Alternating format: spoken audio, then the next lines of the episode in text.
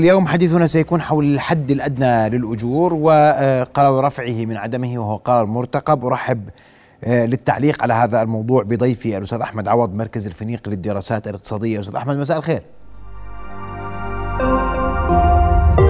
رؤيا بودكاست. مساء الفل أهلا بيك. أستاذ أحمد بداية في رفع ولا ما في رفع؟ إنه صار في حيرة. الوزير قرر أن لا رفع لحد الأدنى للأجور لم يقر بعد على أقل تقدير. واللجنة الثلاثية قالت أنها توافقت على 271 دينار. يعني اللبس اللي صار كان ناجم عن آه، تراجع الحكومة عن آه، القرار آه، اللجنة الثلاثية لشؤون العمل اللي اتخذ في عام 2020 وتم تأجيل تنفيذه إلى عام 2021 وارتفع الحد الأدنى الأجور في عام 21 إلى 260 دينار.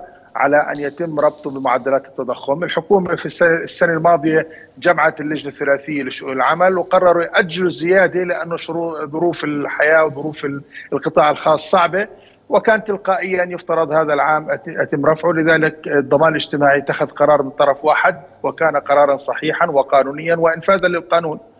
قرار صادر ومنشور بالجريدة الرسمية ولكن الحكومة تراجعت عنه. ويبدو أن الحكومة تتجه نحو عدم زيادة الحد الأدنى للاجور لا هذا العام ولا العام القادم وفقا لارتفاع معدلات التضخم وهذا قرار اتخذ سابقا من اللجنة الثلاثية وتوافقت عليه جميع الأطراف الحكومة وغرف الصناعة والتجارة من طرف أصحاب الأعمال واتحاد نقابات العمال الممثله للعمال. طب أستاذ أحمد انت أنت بتقول اليوم بعد قرار اللجنة الثلاثية وبعد قرار الضمان الاجتماعي الحكومة لا تريد أن تسير قدما في هذا القرار. نعم. والقطاع آه، الخاص والعام وكل من يتعامل مع الحد الأدنى للأجور الذي هو لا يكفي أصلا يتحدث أيضا ان ان الاقتصاد الأردني لا يتحمل مزيدا من الأعباء فإلى أين نتجه اليوم؟ يعني حقيقة رفع الحد الأدنى للأجور آه، يمكن أن يكون وبشكل رئيسي هو أحد محفزات الاقتصاد سياسات الأجور في الأردن التي تعتمد على مستويات أجور منخفضة هي أحد عوامل عدم نمو الاقتصاد الوطني خلال العقد ونصف الماضيات ولأنه أحد أهم محفزات الاقتصاد الوطني اللي هو الطلب المحلي. وبالتالي لما تكون الأجور منخفضة الطلب المحلي على الاستهلاك يكون منخفض وهذه أبجديات علم الاقتصاد يعني مادة 101 في بدرسوها طلاب الاقتصاد. ولكن ارتاء الخيارات الاقتصادية حقيقة للحكومات الأردنية المتعاقبة ذهبت باتجاه رفع الضرائب زيادة الأسعار ضغط, ضغط الأجور. وهذه جزء من منظومة من فلسفة سياسية وفلسفه فلسفة إدارة الاقتصادات الوطنية باتجاه التسهيل على القطاع الخاص وليس جميع القطاع الخاص. عندنا غالبية القطاع الخاص اللي عنده رؤية استراتيجية يدفع باتجاه زيادة الحد الأجور ويستغرب عدم رفع الحد الأدنى أجور وبيطالب بزيادتها. غرف التجارة جميعها بتطالب بزيادتها. رجال الاعمال الكبار بيطالبوا بزيادتها وما عندهم مانع برفعها. ولكن الحكومة تخضع حقيقة لعدد محدود جدا من رجال الاعمال بين قوسين مع احترامي لهم قصيري النظر اللي بيحققوا بدهم بيطلعوا على الأرباح نهاية الشهر. ما بيطلعوا على الاقتصاد بشكل عام. وتطور ونمو ودفع عجله الاقتصاد للأمام وبالتالي بيضغطوا على الحكومة والحكومة بتستجيب لهم للأسف الشديد. لكن آه، أستاذ أحمد أنت بتحكي في هذا الإطار واليوم الحديث آه، أن آه، هذا التراجع قد يدفع أيضا كثير من القطاعات لعدم أيضا رفع الحد الأدنى للأجور واليوم هناك سؤال عن كفاءة العامل وكفاءة الإنتاجية في السوق المحلي. يعني موضوعين، الموضوع الأول بالتأكيد بعد قرار الحكومة بعدم رفع بعدم التزامها بالقانون والقرار اللي اتخذته برفع الحد الأدنى للاجور 4.2% آه هذا سيدفع باتجاه عدم رفع الحد الأدنى للاجور نهائيا. ما حدا راح يرفع الحد الأدنى للأجور. هذا واحد. اثنين آه إنتاجية العامل غير مرتبطة بالعامل نفسه، إنتاجية العامل هي منظومة من العوامل التي تؤثر على إنتاجية العامل الأردني، واللي بقول العامل الأردني غير منتج هو الإدارة غير منتجة، منظومة التعليم اللي ما أهلتوش يكون منتج، وبجميع الأحوال مؤسسات الأعمال الناجحة هي مؤسسات الأعمال اللي بتقوم بتدريب العاملين لديها بشكل منتظم وبشكل مستمر، وهي اللي بتحط خطط ومتابعة وتقييم وتحفيز وإلى آخره وبالتالي إنتاجيتهم بتكون عالية. ولو عملنا نظرة سريعة بس على الشركات في الأردن في القطاع الخاص. بنلاحظ إنه الشركات اللي الأكثر تحقيقا للأرباح والأكثر توسعا بشكل واضح هي الشركات اللي عندها مستويات الأجور مرتفعة، اللي عندها مستويات المنافع واحترامها لمعايير العمل الأردنية والدولية واضحة واللي بتسجل كل عمالها بالضمان الاجتماعي وبتحفزهم على إنتاجيتهم وإلى آخره وبتدربهم بشكل مستمر. بينما للأسف الشديد هذا صوت هؤلاء هاي هاي الشركات وهاي المؤسسات وهذا النوع من القطاع الخاص غير مسموع لدى الحكومة للأسف الشديد. الإنتاجية مرتبطة بالإدارة. هذا موضوع الإدارة العامل طرف فيه ومنظومة التعليم هذا العامل طرف فيه والطالب طرف فيه ولكن العامل الحاسم في عملية تحفيز العمال تدريبهم بشكل دائم وتحفيزهم. نعم. طيب أستاذ أحمد سيكون معنا بعد قليل وزير الصناعة آه، والتجارة ووزير العمل لتوضيح آه، ما يدور حول آه، هذا الموضوع. وأنا اؤكد أن رأيك في في هذا الإطار هو ضرورة رفع الحد الأدنى للأجور يصبح 271 دينار والالتزام بقرار الحكومة السابق. وأنت تقول أن الحكومة تتجه لعدم رفع الحد الأدنى للأجور هذا العام والعام المقبل.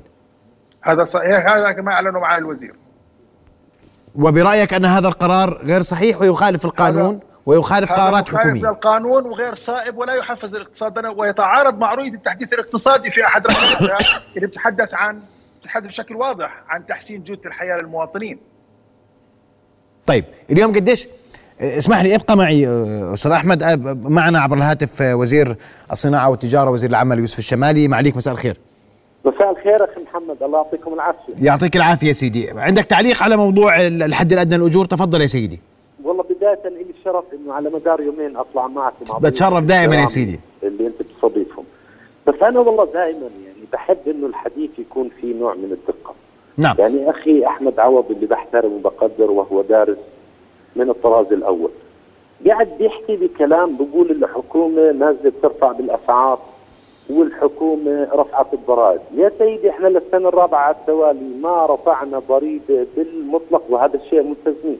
اثنين الحكومة ما في مواد بتشتريها حتى ترفع أسعارها يا أخي أحمد. إحنا المادتين اللي بنتعامل معهم كحكومة القمح والشعير والتزمنا فيهم من سنوات على الرغم من كل الارتفاعات اللي تمت ولم نرفع الأسعار. وبالتالي خلي بداية خلي كلامنا أرجوك أنه يكون في نوع من الدقة. الحكومة لا ترفع السعر. هذا عرض وطلب من يقوم بالاستيراد هو القطاع الخاص اللي إحنا بنعتز ومستخدم الموضوع الثاني موضوع حد الأدنى للأجور. يا سيدي من قال لك إنه إحنا أخذنا قرار؟ ومن قال لك أن الحكومة هي تملك القرار؟ القانون واضح وصريح. هناك لجنة ثلاثية تعنى بشؤون العمل. وشرحنا أكثر من مره من مرة. وطلع بيان واضح وصريح للجميع. قرار اللي أخذ برفع الحد الأدنى للأجور من 220 دينار ل 260 دينار أخذ في العام 2020 أي قبل دخول الأردن في جائحة كورونا. وقرار اللجنة المشكلة من العمال اللي بيمثلهم النقابات أصحاب العمل بيمثلهم غرف الصناعة والتجارة والحكومة مثل بوزير العمل.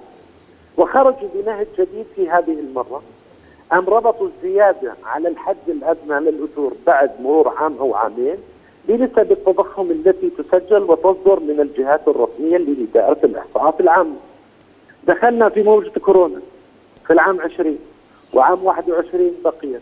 دخلنا في إغلاقات كلية دخلنا في إغلاقات جزئية. صدر أمر الدفاع رقم 6 ألزم القطاع الخاص بالمحافظة على العاملين. وبالتالي أصبحت هناك متغيرات خارجة عن إرادة الأطراف الثلاثة سواء كانت الحكومة أو العامل أو صاحب العمل. هذا يؤخذ في عين الاعتبار. القرار اللي أخذ في 2020 هو قرار منشور في الجريدة الرسمية ملزم التطبيق كما تفضلت لكن انعقد اجتماع آخر مرة أخرى وردت اللجنة أخذت قرار ولم ينشر في الجريدة الرسمية. والأشياء اللي تم الحديث عنها خلال اليومين الماضيين أثناء النقاشات في مجلس النواب اللجنة المالية تم السؤال بشكل واضح من أصحاب السعاده هل هناك توجه لرفع الحد الأدنى للأجور؟ إجابتنا كانت واضحة قلنا إنه كل أربعة إلى خمس سنوات يراجع الحد الأدنى للأجور وبالتالي آخر مرة في 2020 فلن يؤخذ أي قرار بالفترة المقبلة برفع الحد الأدنى للأجور بسبب الظروف الاقتصادية اللي إحنا بنمر فيه. الأمر الآخر صدر من الضمان الاجتماعي وبالأمس صدر بيان الضمان الاجتماعي رجع القرار القديم اللي منشور في الجريدة الرسمية في 2020 وبدا بد بدأ بالتطبيق على اللي راتبه 260 دينار، وأنت تعلم أخي أحمد إذا بتستعرض الرواتب اللي موجودة في مؤسسة الضمان الاجتماعي في كافة القطاعات التجارية والصناعية والإعلامية القليل القليل اللي بيكون راتب الحد الأدنى من الاجور 260 وتعلم إنه هناك في زيادة على الرواتب، في ناس بدأت في هذه الرواتب وناس زادت عليها. الآن ما صرحنا فيه، هذه اللجنة مفتوحة دائما تنعقد. فسنقوم بدعوة اللجنة. بأطرافها الثلاثة. أي هي صاحبة الشرعية بموجب نص القانون لتتخذ القرار المناسب. تتخذ القرار بما في الصالح العام. إحنا ننظر إلى عوامل أخرى وأنت دارس وباحث ونحترم ونقدر. لدينا كلف عالية في الإنتاج الموجودة داخل السوق المحلي. إذا ما قورنت العماله داخل السوق الأردني في عماله بدول الجوار تجد أن العماله في دول الجوار هي عماله من غير العماله المحلية من عماله آسيوية وتعلم كم حجم الرواتب الموجوده عندنا. إذا نظرنا إلى كلف الطاقة اللي موجوده عندنا، إذا نظرنا إلى كلف التمويل فهناك عوامل أخرى ننظر إليها نغلب الصالح العام عندما نعم. نتخذ أي قرار فيما يخص رفع الحد الأدنى للاجور. واضح جدا لا ننحاز لعامل ولا ننحاز لصاحب عمل لكن ننحاز للصالح العام والاقتصاد الوطني. نعم. هذا ما أود أني اوضحه لك أخي محمد. أشكرك كل الشكر نعم واضح جدا معالي وزير الصناعة والتجارة وزير العمل آه، يوسف الشمالي كنت معنا عبر الهاتف إذا عندك تعليق أستاذ أحمد بدقيقة أرجوك نعم. أنت كرمت أقل من دقيقة يعني تفضل. أنا في البداية مع احترامي لمعالي الوزير وشكرا على ثنائه أنا تحدثت إنه السياسات الضريبية العالية في الأردن اللي بتعتمد على الضرائب غير مباشرة هي التي أدت إلى رفع الأسعار ولا ما أقول إنه الحكومة الحالية رفعت الأسعار. القضية الأخرى هذا قرار منشور بالجريدة الرسمية ب 2020 وتضمن تطبيق الحد الأدنى للأجور 260 دينار بعد عام مع ربطه بمؤشرات البطالة، وبالتالي هو كان تلقائيا يجب أن يعمل مؤشرات التضخم، وبالتالي تلقائيا هو يفترض أن يتم تطبيقه. لكن الظرف اختلف وعليه تم تأجيل اتخاذ القرار ووعد دعوة اللجنه يعني لاجتماع جديد و- والظرف اختلف أيضا على شروط العمل على ظروف على مستويات الأجور ومعدلات التضخم وارتفاع الأسعار. الأولى كل دول العالم حقيقة مع معدلات التضخم بتزيد رواتب العاملين. كل طيب. كل الدول المتقدمة فعلت ذلك. واضح جدا. هذا هذا أمر سيبقى قيد ال- ال- النقاش وقيد البحث للوصول لنتائج لتحديد الحد الأدنى للأجور الجديد في الأردن. إن كان هناك حد أدنى للأجور فيه. أشكرك أيضا كل الشكر الاستاذ أحمد عوض مركز الفنيق للدراسات الاقتصادية كنت معنا مباشرة من عمان. رؤيا بودكاست.